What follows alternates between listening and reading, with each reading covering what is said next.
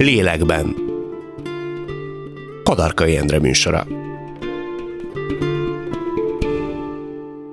Köszöntöm Önöket újra itt a lélekben. Ma egy tán kevésbé ismert, de mégis sokakat érintő fogalmat járunk körül. A kisebbségi stresszt, vagy ha úgy tetszik, a kisebbségi szorongást igyekszünk megérteni. Előbb H. Sebastian pszichológus, pár és családterapeuta beszél mindenről, aki egy Norvégiában élő szakember, és leginkább a menekültek terápiás segítésével foglalkozik. Szerinted hány embert érinthet a kisebbségi lét? Én azt olvastam, hogy ha nem az állam hatalomhoz tartozó nemzetiséghez tartozó, az kb. egy milliárd embert mhm. érinthet a Földön. Ez ugye a nemzetiségi kisebbség. Uh-huh. De ha bármilyen kisebbséghez tartozik valaki, azt szerinted hány milliárd ember lehet? Ebbe bele tartozik az, hogy nem tudom, túlsúlyos, kisnövésű. Nem tudom statisztikailag megválaszolni, de azt gondolom, hogy ha felvontjuk tényleg a társadalmat olyan csoportokra, hogy milyen kisebbségek vannak, mik azok a tulajdonságok, identitások, kulturális meghatározottság, amit, amit, ami valakit kisebbségé tehet, akkor szinte azt mondom, hogy lehet, hogy alig van olyan ember a Földön, aki valamilyen identitása mentén nem tartozik egy kisebbségi csoportba. Az hol dől el, hogy úgy élem meg, hogy kisebbséghez tartozom? Van-e ilyen tudatom? Lehet ilyen tudatod, de szerintem attól is függ, hogy ugye van egy ilyen az ide, a kisebbségi identitás vagy identitások szervezettsége területén, azért az, hogy az az adott identitás mennyire fontos nekem, a mindennapokban ez mennyire kerül elő, tényleg amellett az identitásom mellett mennyi diszkrimináció ér, arra az ember az, az nagyon sokat számít, hogy számomra az az kisebbségi identitás mennyire akad be pszichológiailag. De ha, ha kinyitjuk arra, hogy súly, magasság, származás, nyelvhasználat, iskolai végzettség, gazdasági helyzet, lakóhely, ami mondjuk fővárosi vagy vidéki, azért találunk, mindig találunk olyan párokat, tehát az az ember, aki úgy érzi, hogy ő nem kisebbségi, mert fehér, férfi, magyar, budai, magas, keresetű, és amiben mindenbe kipipálja a többséghez való tartozást, még akkor is egy kicsit kizumolunk, és mondjuk európai összehasonlításba berakjuk őt, akkor lehet, hogy kiderül, hogy egyébként európaiként egy összehasonlításban egy, egy német, akkor mégiscsak ő kisebbségi lesz hirtelen. Csak szóval a mintavétel kis, Csak a mintavétel nagysága, vagy az, hogy hogyan, mennyire szélesen gondolkodunk arról, hogy mik a kisebbségi identitások, hamar ki lehet hozni. Ugye az identitások, mindenki nagyon összetett, mindannyiunknak rengeteg szociális identitása van. És hogy azon belül hány identitásunk mellett tá- tartozunk többségi csoportba, hány mellett tartozunk kisebbségi csoportba, az a nagyon változó. Kisebbségi stressz alatt mit értünk? A kisebbségi stressz az egy olyan extra teher, hogy itt nagyon röviden fogalmazzuk meg, az az extra teher, amit valaki amiatt él meg, mert egy kisebbségi csoporthoz tartozik, az átlag stressz szint felett. Mondok egy példát, hogy ez jobban érhető legyen. Mondjuk leépítés van egy cégnél, bejelentik, hogy 200 embert el kell küldeni a 800-ból. Valószínű, hogy mind a 800 embert ez valamilyen szinten stresszesen fog érinteni. De azok a kisebbséghez tartozóak, akik tudják, hogy őket egyébként az munkaerőpiacon diszkriminálják, akár etnikai hovatartozásuk, akár végzettségük, akár amiatt, hogy egyedülálló gyermeküket egyedülálló nők, egyedülálló gyermeküket egyedül nevelő nők, őket ugyanez a bejelentés sokkal jobban fogja érinteni. És ez az extra stressz az, amit kisebbségi stressznek hívunk. Ez abból fakad, hogy ő például tudatában van mindennek, nevezetesen, hogy kisebbséghez tartozik. Ez abból fakad, hogy őt frusztrálja, vagy abból fakad, hogy valami olyan belső ellentmondást hív elő benne, ami még feldolgozatlan. Tehát, hogy mi az eredője? Az eredője inkább a tapasztalat. Ez lehet egyéni tapasztalat is, tehát valaki megtapasztalhatta azt, hogy egyszerűen neki, ő úgy érzi, hogy a többiekhez képest neki nehezebb állást találnia. És amikor mondjuk valaki a magyar társadalom romaként nő föl, akkor elképzelhető, hogy óvodás korától fogva érik akár közvetlen tapasztalatok arra, hogy az ő romasága miatt akár diszkrimináció, akár kirekesztés, akár negatív beszólások érik, és mire oda kerül, hogy ő álláskereső lesz, azért ez mind rakódik egymásra. Kell, hogy legyenek diszkriminatív tapasztalatai? Nem. Lehet, ez, ez a közvet közvetlen része, de lehet közvetett is. Elég, ha azt hallja, hogy én is roma vagyok, és úgy hallom, hogy a romákat, vagy a családomba valakit. Ugye a kisebbségi létnek pont ez az egy ilyen különleges, jelent, különleges jelensége, hogy nem kell, hogy engem diszkrimináljanak ahhoz, hogy egyébként hasson rám a diszkrimináció. Mert a csoporthoz tartozás miatt én is érzékeny leszek rá. Ha mondjuk gyűlöletbűncselekmény ér mondjuk valakit a vallási hovatartozása miatt Budapesten, kipába sétál haza a zsinagógából, és talán erről, erről a hírről olvas, szólnak is zsidóként, ő is úgy fogja érezni, hogy az identitása miatt ő fenyegetett ebben a társadalomban. Annak ellenére, hogy nem őt érte gyűlöletbűncselekmény. Ha jól értelmezem, a különbséget mondjuk egy trauma és e között itt hmm. mikrotraumákról beszélünk, ugye? Abszolút. Tehát, hogy nem egy eseményhez köthető, Abszolút. hanem folyamatos és konstans hmm. és szakadatlan. Ez így van. Ez egy, gyakorlatilag ez egy nagyon, nagyon a mikrotraumát lehet egy folyamatos fenyegetettségnek tekinteni. Sok olyan kis szúrásnak, ami minden nap beszólások, hírek, viccek,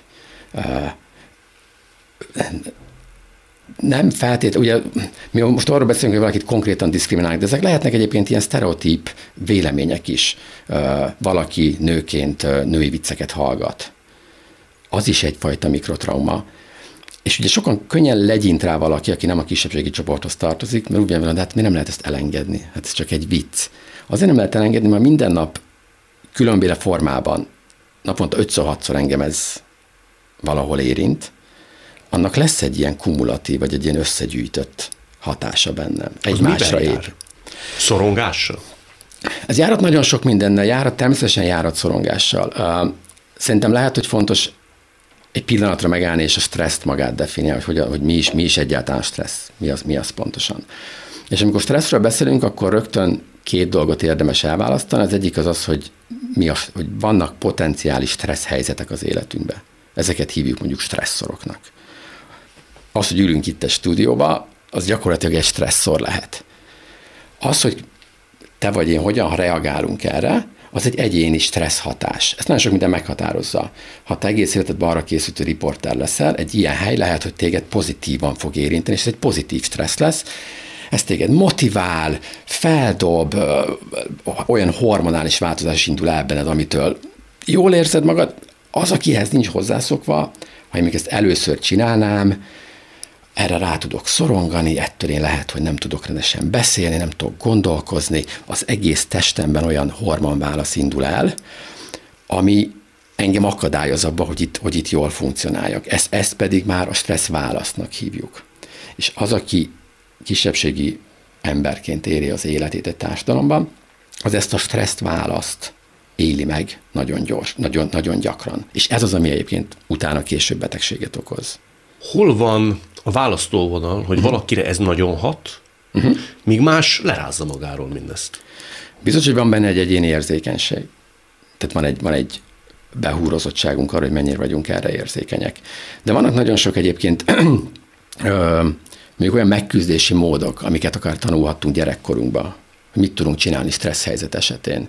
És bizonyos megküzdési módok lehet, hogy hasznosabbak, más megküzdési módok lehet, hogy nem annyira hasznosak, egyes stressz helyzet esetén, meg aztán vannak olyan védőfaktorok is, hogy mondjuk főleg, ha identi, kisebbség identitásokról beszélünk, mondjuk a család, a közösség, az a kulturális csapat, akikkel együtt tudok ezt a kisebbség identitásomat pozitívan meg tudom élni, ez mindig egy nagyon jó védőfaktor tud lenni. Ahhoz, hogy aztán utána később a nagy társadalomba kimenve azt tudja mondani, hogy most akkor ezt lesöpröm magamról, mert az én identitásom, ez a kis, adott kisebbség identitásom, ezt tudom, hogy ez nekem milyen fontos és milyen jó, és milyen jó, amikor pozitívan meg tudom élni.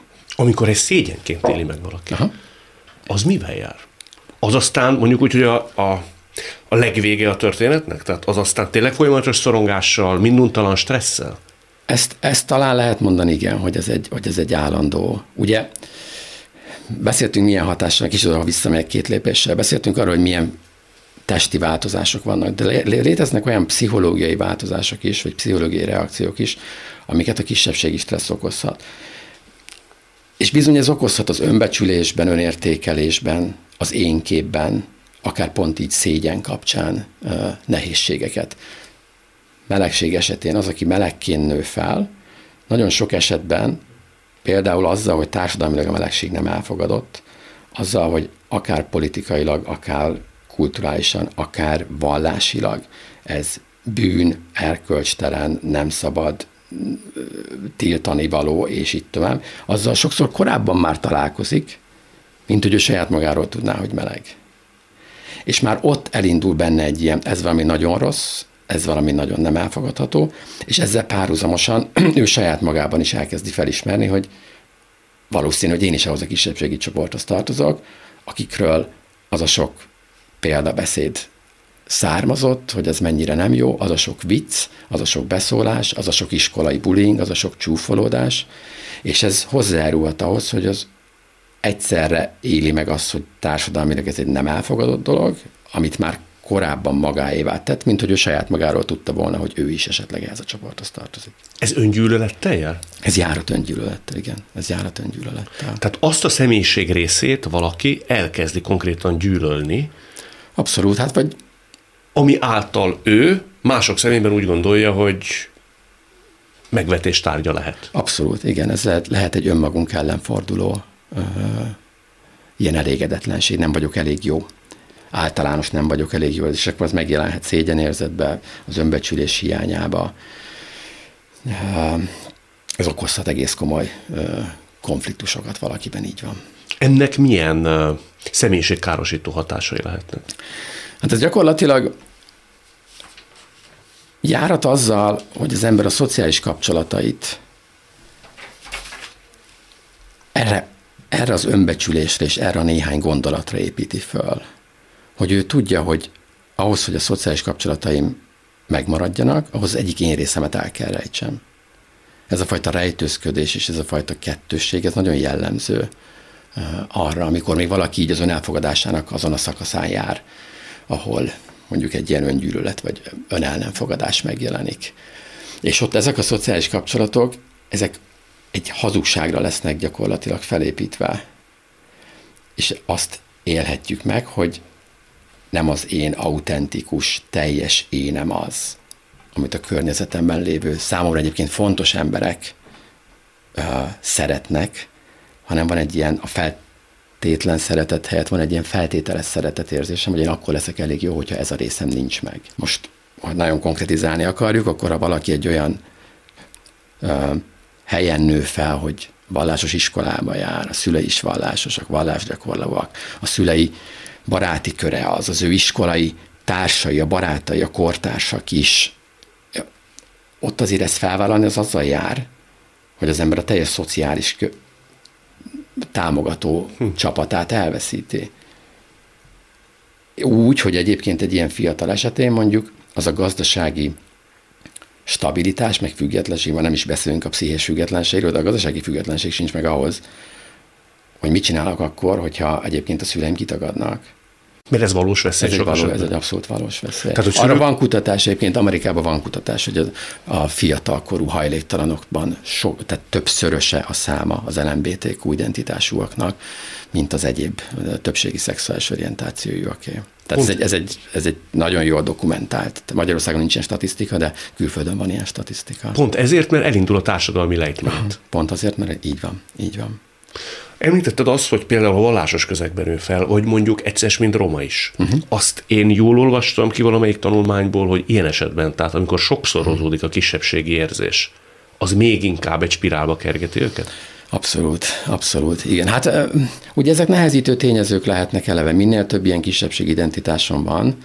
Vannak olyan kisebbségi identitások, amik egymással nincsenek konfliktusban. Tehát, hogy lehetek, lehetek úgy roma és vallásos, hogy egyébként ez a kettő egymással nincs konfliktusban. De amikor mondjuk roma vagyok, vallásos és meleg, akkor elképzelhető, hogy ez a három már, tehát nem tudok egyszerre, nem tudok olyan úgy megélni a melegségemet, hogy egyszerre megélem. Mind, ezen mindenkire igaz, általánosítsunk le ennyire, de mondjuk azért, azért ö, többször igaz, mint nem talán, az, hogy nehéz egyszerre megélni a vallásosságot is jól, úgy, hogy egyébként a, az én környezetem tudja rólam, hogy én meleg vagyok, és úgy fogad el, amilyen vagyok. És nem akarom mondjuk a roma csoportot sem stigmatizálni ezzel, hogy azt mondom, hogy ők, mert ott is vannak elfogadó közösségek, de elképzelhető, hogy azzal is konfliktusban van azt a, én, a melegség. Azt én jól láttam, hogy megsokszorozódik ilyen esetekben például a szerhasználatra való esély, Igen, illetve abszolút. az öngyilkosságra való mm. hajlam. Abszolút. Ez pont ezért?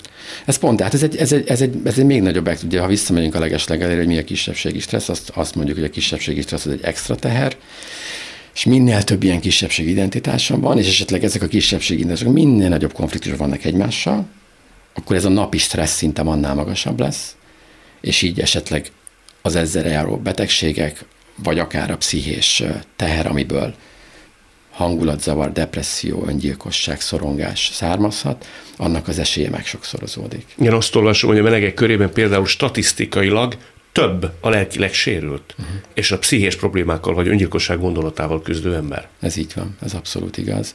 Ugye ez egy nagyon érdekes történetileg a pszichológián belül. A pszichológia nem egy nagyon öreg tudomány, legyen száz éves tudománya a miénk, azon belül azért egy az első 50 év az arról szólt, hogy a melegséget betegségnek tartották, pont ilyen statisztikák miatt. Mert azt gondolták, hogy oké, nézzünk rá a közösségre, atya világ, hát ebbe a közösségben magasabb a pszichés betegséggel élő számok, biztos akkor a melegség okozza hmm. mindezt. Azt a köztes változót hagyták ki ebből a akkori elméletből, hogy nem a melegség okozza azt, hogy valakinek nagyobb a pszichés, vagy több a pszichés problémája, hanem ahogyan a társadalom, ahogyan a mi közösségünk válaszol a melegségre, az okoz majd később egy extra pszichés Ez egyébként maga a kisebbségi stressznek a gondolkodási kerete, pont ebben segít minket, hogy azt a problémát, amivel a kliens megjelenik a terápiás térben, azt valójában ne a saját egyéni problémájának tartsuk, hanem annak a közegnek, amiben ő ezt úgynevezett ilyen kontextuális megközelítésnek tartjuk, hogy ez nem az ő problémája, hogy ő szorong, hanem az annak a következménye, ahogyan ő felnőtt, ahogyan az ő melegségére a közvetlen családja, az iskolatársai, jelenleg a munkahelyén a társak válaszoltak. Ettől lesz neki egyébként extra terhe. A legnagyobb büntetések egyik a kiközösítés volt már régen is. És gyakorlatilag, ha valakinek egy olyan kisebbség identitása van, amit az adott közösség nem fogad el, pont ezt a veszélyt rejti magába, hogy én majd ki leszek közösítve. Le ki lehetek közösítve családi szinten is, iskolai szinten is, munkahelyi, társadalmi szinten is. Nem beszélünk a kisebbség is tesz egy másik jelenségéről, ez, az, ez a, az elutasítás elővételezettsége, azt, hogy én attól félek, hogy engem el fognak, elutasi, el fognak utasítani, az egy állandó monitorozással jár, egy állandó figyelemmel arra, hogy bejövök egy új helyre, hogy na itt vajon hogy fognak hozzám viszonyulni. Ez na, gátja a fesztelenségnek. Ez gátja a fesztelenségnek, és ez nagyon sok pszichés energia ám hogy én egyfolytában azon gondolkozok, hogy itt vajon engem.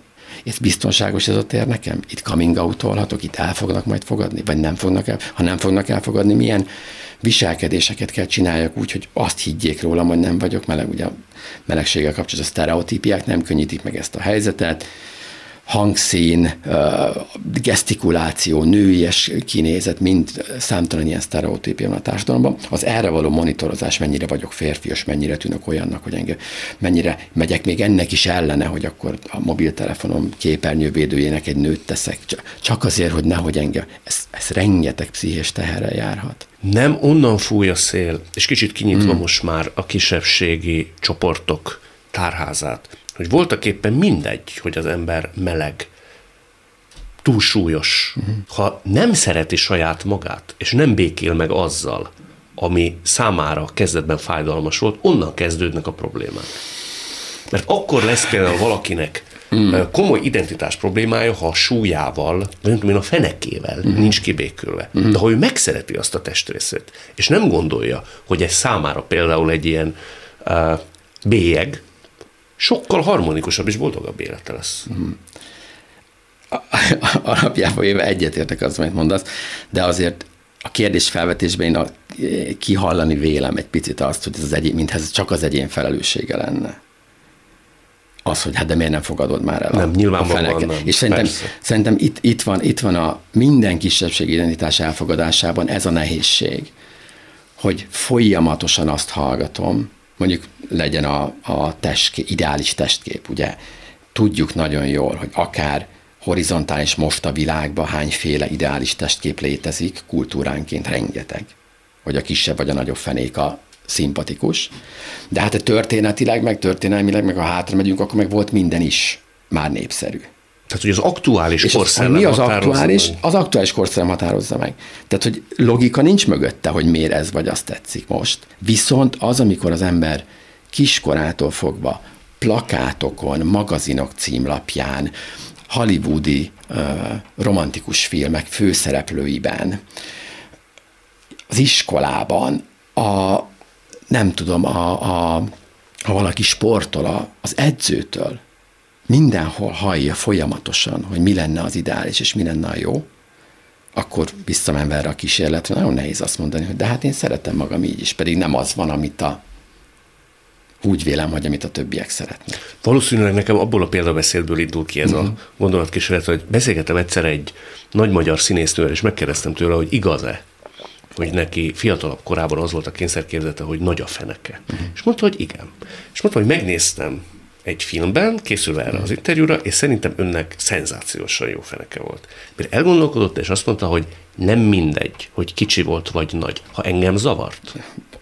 Erről van nagyjából szó. És az, hogy szerintem én, én kicsit arról beszélek, hogy, hogy miért zavarta. Igen. És ott van az, hogy van egy nagyon-nagyon-nagyon nagy százalékban van egy befolyás annak, hogy milyen környezetben övünk föl, és milyen üzeneteket kapunk arra, hogy mi lenne az ideális, mi lenne a jó. És itt egyébként van egyéni hatás, tehát van az, akire nem hat ez. Tehát én egyetetek veled abban, hogy ebben van egy egyéni érzékenység, abszolút van egyéni érzékenység. Még van, aki de nem, mit érdekel engem, hogy mit mutatnak a plakátok, meg a romantikus, romantikus uh, hollywoodi filmek, mit érdekel engem. Én a saját utamat járom. Ugye említetted, hogy te családterapeuta uh-huh. vagy. Mit lehet kezdeni azzal, és milyen megoldási módozatai vannak annak terápiás jelleggel, hogyha valaki elmegy, és bármilyen őt szorongató kisebbségi stressz okán megkeres titeket, vagy Aha. megkeresett szakembert. Aha. Szuper a kérdés. Uh, általában hát minimum három síkon szoktunk elkezdeni ezzel dolgozni. Ugye a kisebbségi lét az járhat egyfajta ilyen érzelmi izolációval. Pont ma már többször említettük ennek az elemeit, amikor azzal a kapcsolatos, az, ezzel a kisebbségi kapcsolatos érzelmi megélésemet nem tudom jól megosztani a kapcsolataimba. És az nagyon fontos, hogy lehet, hogy a terapeuta lesz az első olyan ember, akivel nyíltan tudunk arról beszélni, hogy mondjuk milyen nekem romaként állást keresni. És azt tudom rámondani, hogy nagyon nehéz lehet ezt a sok elutasítást vagy megélni, vagy megtapasztalni, vagy hallani, vagy olvasni róla, vagy feltételezni, hogy lesz. És én tudok egy ilyen érzelmi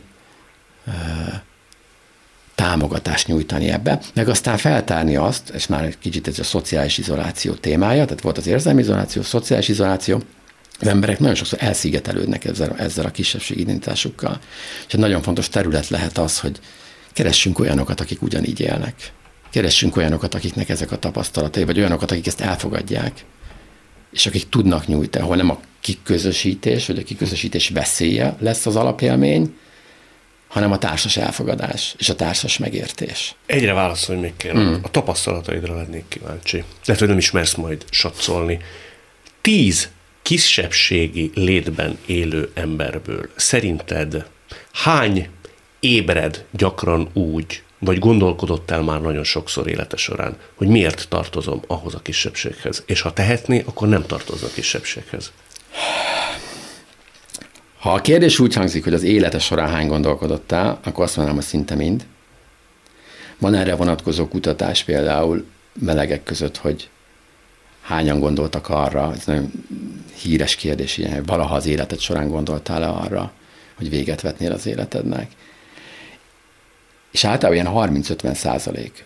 Majdnem a fele. Majdnem a fele. Aki gondolt valaha arra, hogy könnyebb lenne talán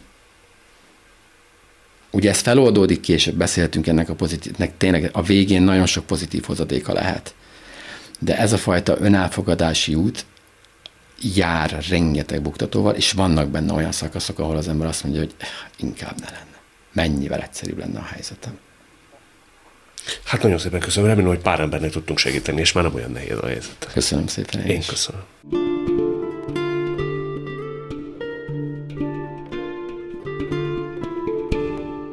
Ház Sebastian után következzék Lakner Zoltán, politológus, újságíró, a Jelen című hetilap főszerkesztője. 20 évesen ismerte fel, hogy meleg. Tíz éve egy nyilvános posztban adott számot arról, hogy a saját neméhez vonzódik. Te azt mondogattad, hogy egyetemista korodig nem nagyon értetted, mm. Hogy mi van veled, hova kerültél, mi vesz téged körbe. Ez a melegségből fakadt, vagy egész egyszerűen neked olyan az alkotod, hogy van benned egy ilyen kívülállás, vagy egy ilyen szemlélődés? Hmm, nagyon... Ö- nagyon jó a megközelítésed. Van, bennem van, igen, szemlélődés, kívülállás. most nyilván a hallgatók vagy a nézők ezen jót nevethetnek, hogy én egyébként introvertált vagyok, annak ellenére, hogy engem a médiából ismernek, tehát én három-négy fokozattal extrovertáltabb életet élek, de lehet, hogy most már öttel, mint amilyen én valójában vagyok. Tehát ez része ennek természetesen. De ezen azt hiszem, hogy rontott ez a identitásbeli ön meg nem határozás. Tehát, hogy tulajdonképpen ki is vagyok én, mi is vagyok én, mi kell, ki kell, hogy engem érdekeljen, beszélhetek én arról, hogy én ezt nem tudom, hogy nekem két vannak ez ügyben, hogy vannak, vannak a körülöttem lévőkhöz képest láthatóan másfajta, másfajta konyarjai az érdeklődésemnek, hogy, hogy ez egy téma, amit szóba lehet hozni, és hogyha az ember nem lát ilyen mintát, és azt hiszem, hogy ezért lenne fontos um, erről sokat beszélni, és amikor ugye a, nem akarom elpolitizálni ezt a dolgot, csak csak mégiscsak a, a, a közélet alakulása annyiból ebben meghatározó, hogyha ez egy bélyeget kap, ha az a téma, hogyha az ember lát egy, nem tudom én, melegséget megjelenítő, vagy azt tartalmazó filmet, vagy könyvet, akkor azzal valami szörnyű, drámai dolog éri. Nem, nem ettől lesznek melegek az emberek, egyáltalán nem, hanem éppen ellenkezőleg, akinek akinek vannak ilyen kételjei, az kap bizonyos mintákat, amiktől egyszerűen ő, ő lehet, hogy magára is, mert lehet, hogy el tud indulni önmaga felé, és ennek nem az az alternatívája, hogy ő egy rendes, fegyelmezett heteroszexuális lesz, hanem ennek az az alternatívája, hogy, hogy nem talál az identitására, és egy boldogtalan ember lesz. Neked szerinted volt erre esély?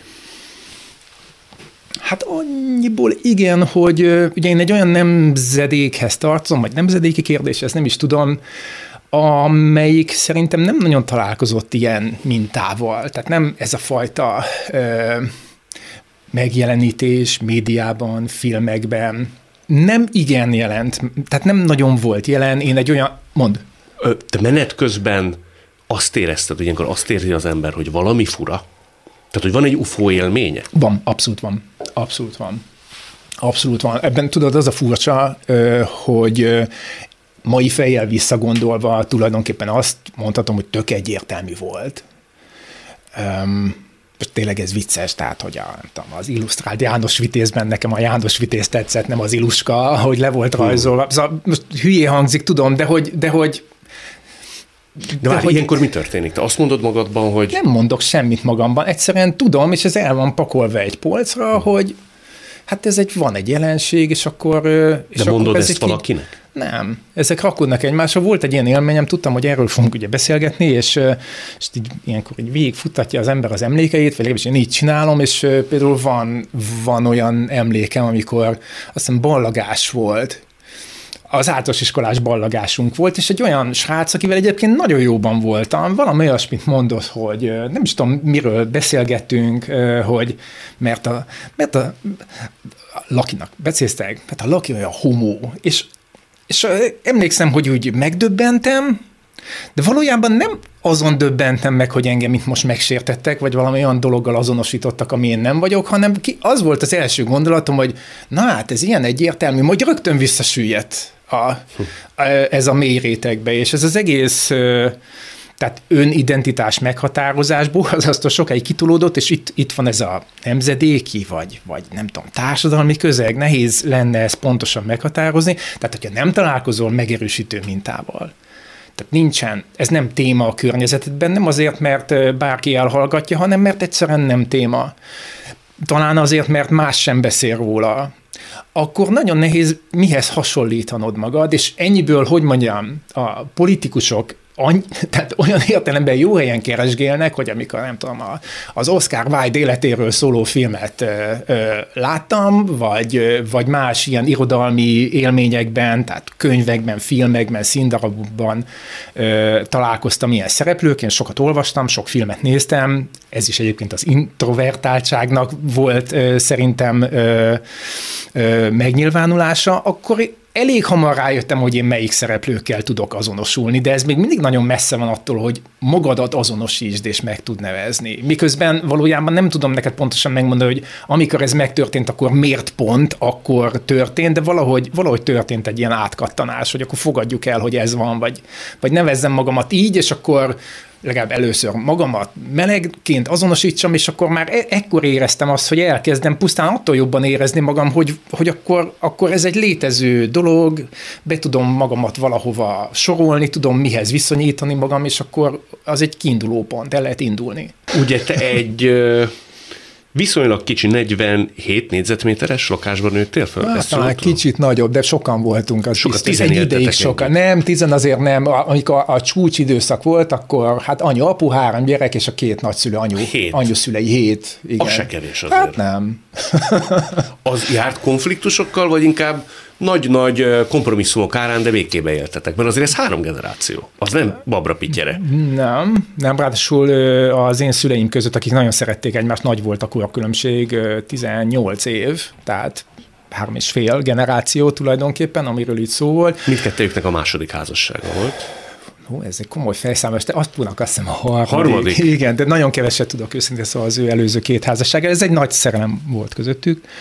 Ö, tehát, hogy szerintem ez egy klassz dolog, hogy ők, ők az életüknek egy, egy, egy nem legfiatalabb szakaszában találtak egymásra. Meg nyilván itt a korkülönbségből fakadóan, meg apunak a korai halálából fakadóan amellett, hogy én nagyon szerettem, és majd napig nagyon jóban vagyunk, hál' Istennek, a testvéreimmel, édesanyámmal, nekem voltak ilyen tehát ilyen, ilyen, ilyen egyedül lét élményeim eléggé, ami, ami senkinek nem a hibája, azt hiszem, csak egyszerűen így, így alakult. Tehát mi apuval nagyon sokat jöttünk, mentünk, nagyon sok mindent csináltunk, és amikor meghalt, amikor még nem voltam tíz éves, akkor ugye annyira ott maradt az egész család, akkor már a nagyszülők nem éltek. De az egy ilyen derültékből villámcsapásként Hát, történt? ne, hát nekem igen.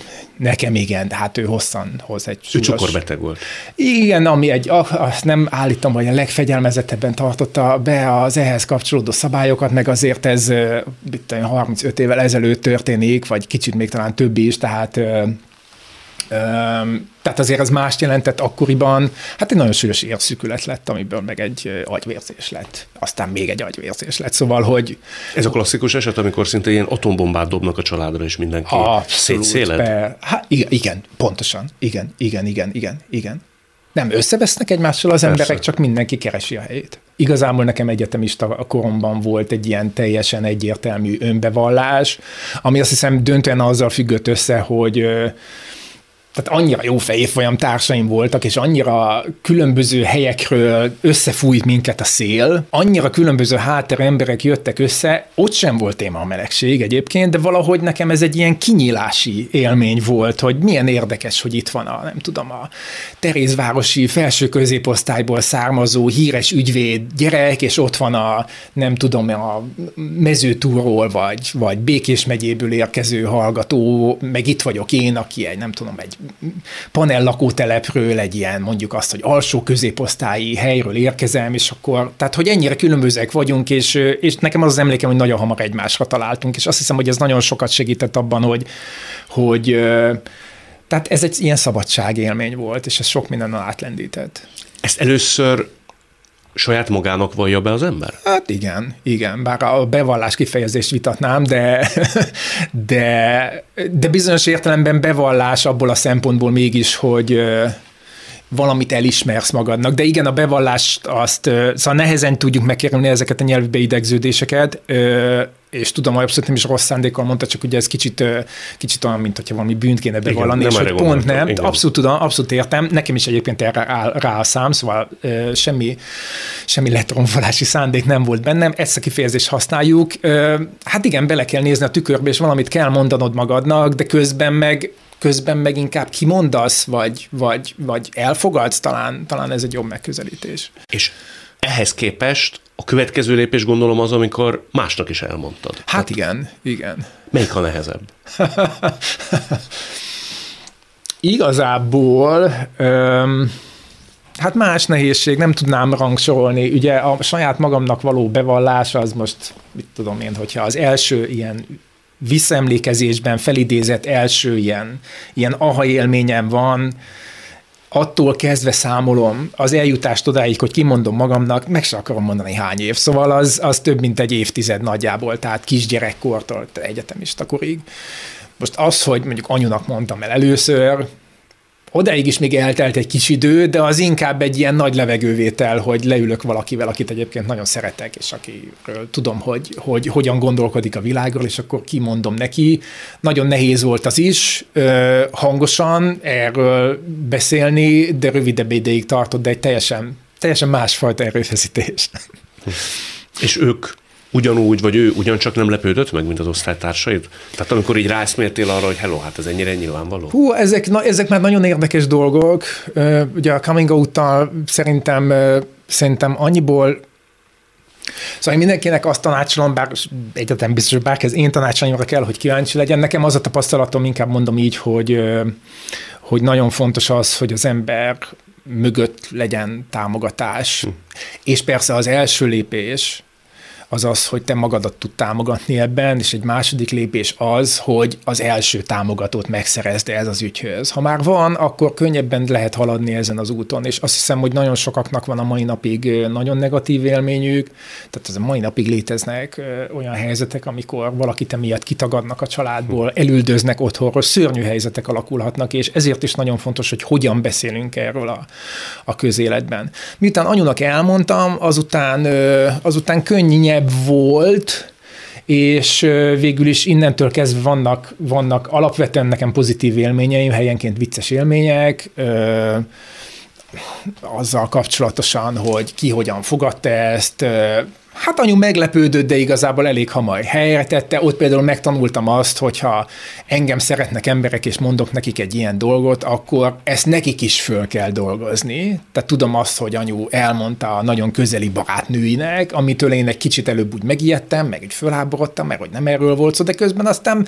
vagy utána aztán megértettem, hogy hát hiszen ez neki is egy, egy olyan dolog, amit, amit, amit ki kell beszélnie magából, tehát rendben van ez így, sőt ezzel bizonyos értelemben le is vette egy súlyt a vállamról, hiszen hát terítette a, az információt. Egy egyébként bizalmas körben olyan emberek között, akiket én is szerettem, családban ez semmit nem okozott őszintén szólva, és abban a, abban a szoros baráti körben, ami engem akkor körülvett, hát, hogy mondjam, azért mondom, hogy vicces helyzetek, tehát, hogy volt, aki egyáltalán nem lepődött meg, nem, nem azt mondta, hogy tudtam, de hogy, de hogy úgy volt vele, hogy oké, okay, olyan is volt, olyan, olyan élményem is volt, aki egy, egy nagyon jó barátnőm, aki, aki tulajdonképpen megkönnyebbült, mert hogy ugye a családok nagyon össze akartak minket boronálni, de mi nagyon jó barátok voltunk, és hogy ő, és hogy ő ezt kellemetlennek érezte, hogy szerette az Zolit, mint a barátját, és úgy, úgy volt vele, hogy jaj, de jó, akkor ez a dolog nincs, nincs tovább ez a presszió, és nekem is nagyon jó volt, hogy akkor ezek szerint nincs ilyen elvárás, mert mi ezt most megbeszéltük, és akkor ez itt teljesen rendben van. Végülis ez volt a legviccesebb, azt hiszem.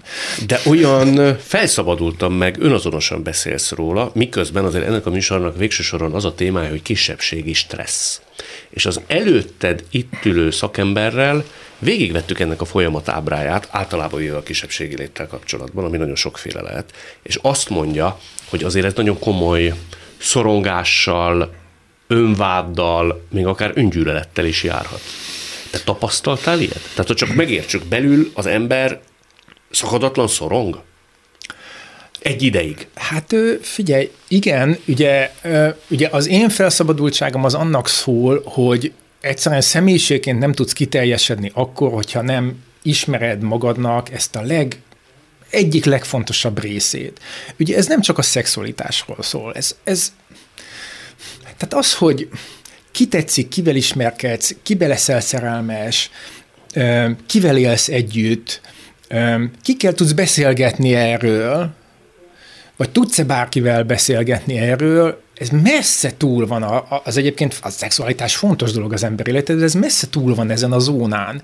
Ez, ez arról szól, hogy a te személyiséged egy integráns része az valamilyen módon meghatározást nyere, és hogy ezt a részét a személyiségednek megoszthatod-e másokkal. Szerintem egy alapvető része az emberi ö, érintkezésnek, és, a, és az, emberi, az emberi mi voltnak. Tehát, ö, tehát a felszabadultság az arra vonatkozik, hogyha ez a megneveződés, meg elfogadás megtörténik, akkor tulajdonképpen ö, helyi, helyükre kerülnek dolgok.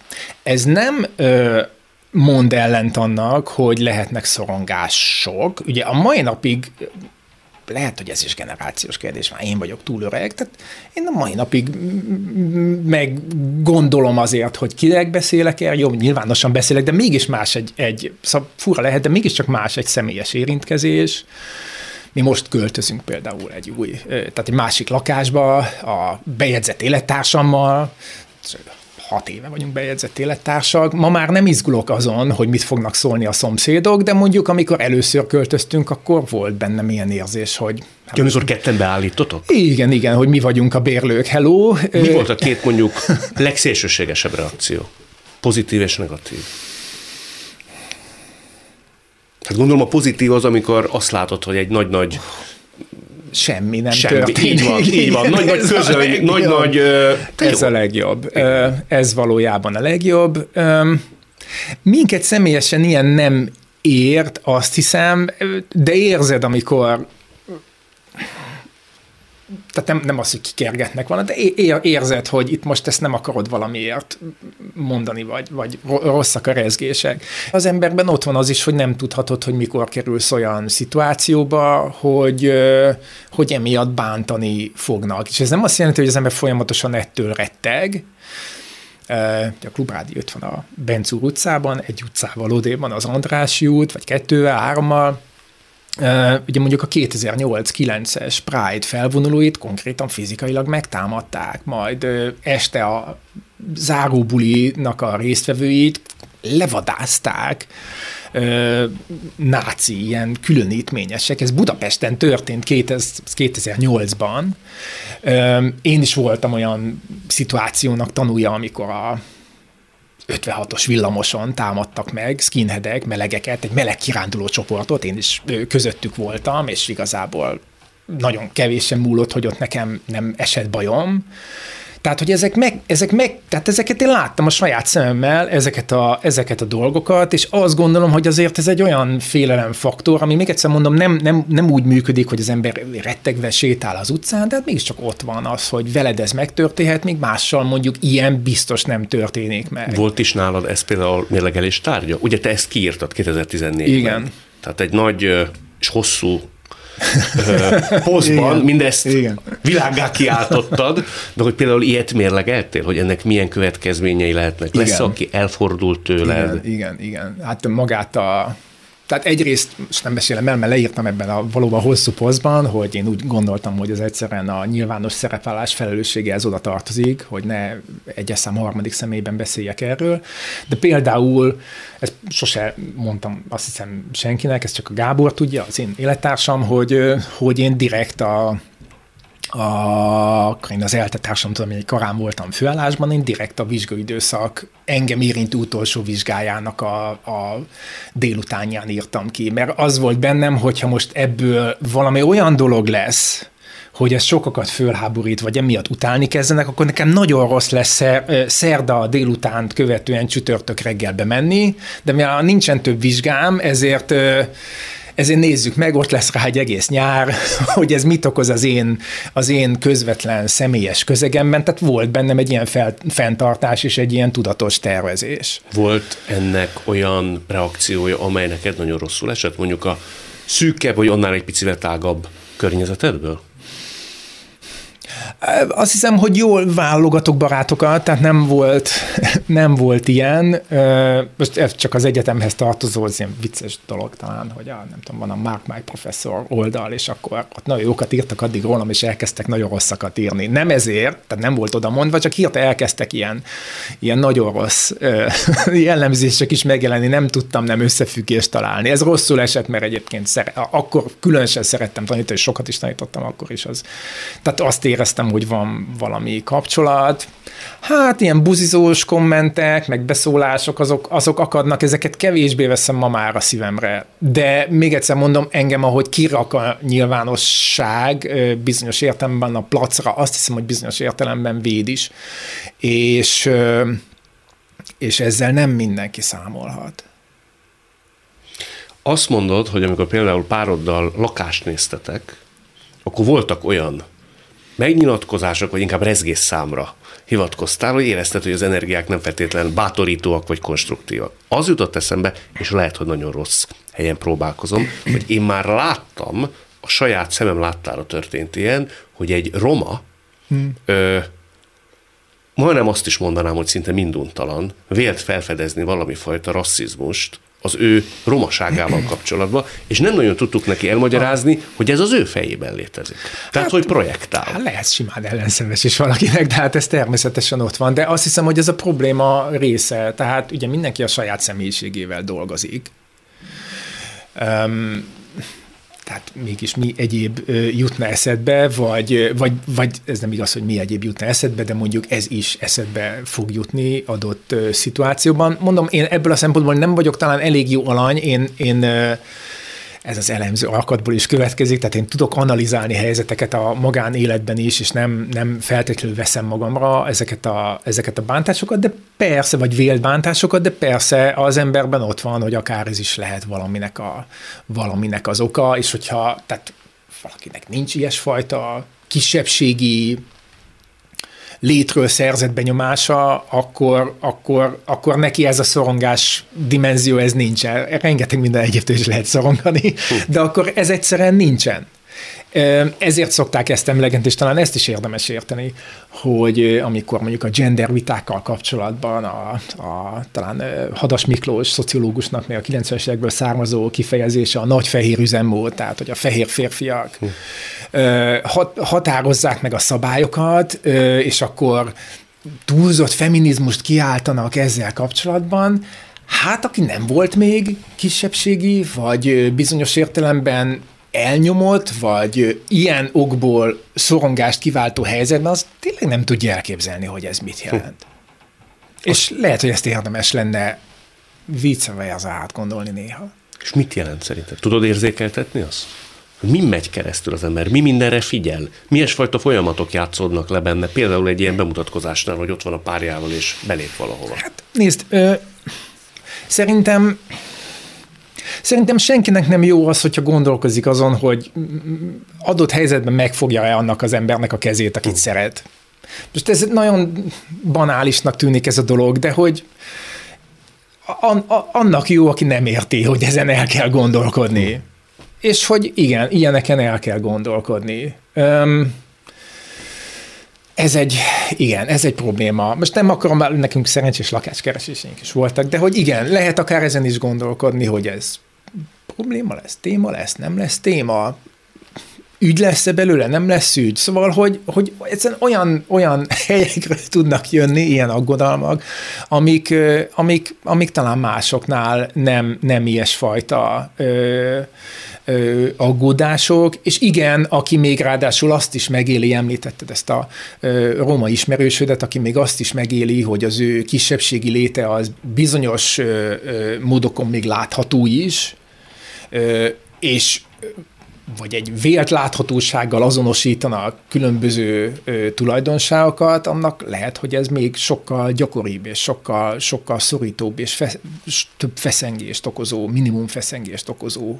megélést. Jó néhány évvel ezelőtt, még amikor élt Celjelendre, akkor neki az volt a tapasztalata, hogy a, a, tehát amikor az a kérdés merült föl, hogyha lehetne valamilyen módon ez genetikailag befolyásolni, akkor hogyan döntenének a szülők, és hogy ilyen egészen, egészen extrémen, vagy szerintem extrémen magas arányban mondták szülők, akik ilyen programokban szerettek volna ugye saját gyermekhez jutni, hogy, hogy nem szeretnék, hogy meleg legyen a gyermekük. Aminek szerintem egy része nem homofóbia, hanem az aggódás a majdan megszületendő gyerekért, hogy egy ilyen közegben hogyan, hogyan nőnének fel.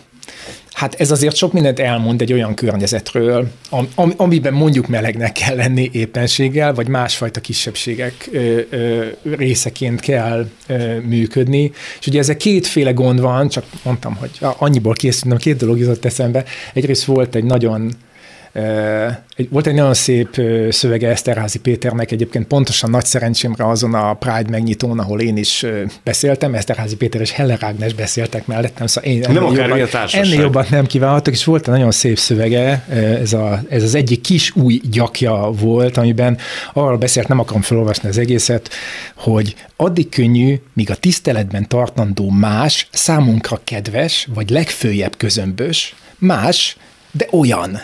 A neheze akkor jön, ha más, de más. Ha csupán annyi köztünk a kapocs, hogy kapocs, hogy ő is ember, meg én is. Mire elegendő ez? Ez itt a kérdés. Hm. Vagy ez a kérdés. Um, ugye ez egyrészt elmond valamit arról, hogy hogy sokszor ugye a másság ugye úgy merül föl, hogyha egyébként ő is úgy viselkedik, ő is lejön velünk focizni, ö, nem beszél annyit a, nem tudom, a pasiáról, az a férfi, vagy a nőjéről az a nő, akkor ez a dolog rendben van, hiszen akkor úgy beilleckeded. De közben meg ugye az is van, és ez a másik, ami eszembe jutott, az Annie biztos sokan látták. Elvis Singer, amikor az első feleségével, Alison Pucsnékkal ismerkedik meg, és akkor nagyon tetszenek egymásnak, de nagyon, nagyon béna beszélgetés alakul ki, és akkor valami olyasmit mond Elvi, hogy, hogy akkor neked biztos megvolt a, a baloldali zsidó intellektuelek Central Parki Egyetemen, meg néhány szocialista dzsembori, és ugye erre mondja azt Alison Pucsnék, hogy imádom, ha kulturális sztereotípiává redukálnak. Szóval, hogy nagyon nehéz ez a dolog, mert egyrészt van is egy olyan elvárás, hogy legyél, oké, okay, más vagy, de legyél ugyanolyan, de közben meg az is van, hogy a másságról is van egy kategorizálás, az ilyen értelemben nem másokban, és az is furcsa, hogyha ennek nem felelsz meg. Tehát oké, okay, meleg vagy, de nem egy, nem egy twink fodrászfiú, aki egy hm. kicsit sejpít, mert a filmekben ezt így ábrázolják, hanem nem tudom én mi vagy, nem tudom, a targonca vezető. És akkor, és akkor ezt az egész dolgot nehéz hova tenni, és azt hiszem, hogy ez nagyon sokaknak okoz problémát, és ez szerintem más kisebbségekkel is elmondható. Hát az egész, tehát hogy kisebbség, ami a nő kisebbség, ugye úgy kisebbség, hogy sok mindenben alárendeltek, miközben egyébként a társadalom felét ö, alkotják, hogy akkor most minek is kell megfelelni? Amikor mondjuk karrier elvárásokban családi szerepekre ö, ö, kell ö, családi szerepeket kell betölteni, vagy, a, vagy a, a, az előbb említett romas rácnak is biztos, hogy vannak olyan, olyan, olyan elvárások, amelyekről azt gondolja, hogy meg is kell felelniük, de utálja is ezeket az elvárásokat. Én azt gondolnám, hogy azért lenne jó, és akkor ilyenkor, igen, erre akartam ezt mondani, ilyenkor van az, hogy, hogy, hogy a, hogy lehet, hogy sokan azt élik ilyenkor meg, hogy bárcsak legalább ez ne lenne, bárcsak ez legalább, legalább annyi mindenen lehet szorongani, legalább ezzel ne kelljen foglalkozni, hanem valahogy úgy könnyebb legyen belesimulni, hogy ezeknek a, ezeknek a nagyon eltérő vektori elvárásoknak legalább, legalább ne kelljen megfelelni. De ugye ennek a megfordítása meg az, hogy hát ezért volna jó, nem tudom, talán valami kis szociológia képzés, mert akár alapfokon, egyáltalán beszélgetni erről ö, ö, sokkal többet, és nem a megbélyegzés szándékával, mert akkor valójában arra lehetne rájönni, hogy pont az az érdekes egy társadalomban, hogy mennyire sokszínű, pont az az érdekes az emberi viszonyokban, hogy mennyiféle módon lehet egymáshoz kapcsolódni, és nem állítom azt, hogy ettől nem tudom, ha bevezetik az oktatásba, akkor tíz év után kitör a világbéke, de szerintem nagyon sok stresszt, nagyon sok szorongást, nagyon sok aggodalmat meg lehetne ö, spórolni gyakorolni saját magunknak és másoknak is. Hát legyen ez a végszó akkor. Nagyon szépen köszönöm. Köszönöm szépen. Ez volt a lélekben Ház Sebastiánnal és Lakner Zoltánnal. A műsort nem csak hallgathatják, de végig is nézhetik. Iminti beszélgetésünk hamarosan már látható lesz YouTube csatornámon is. A mai adás létrejöttében köszönöm Leocki Miriam, Rózsahegyi Gábor és Lantos Dániel segítségét. Találkozzunk holnap, vagyis vasárnap itt a Klubrádióban. Viszont hallásra! Lélekben Kadarkai Endre műsora.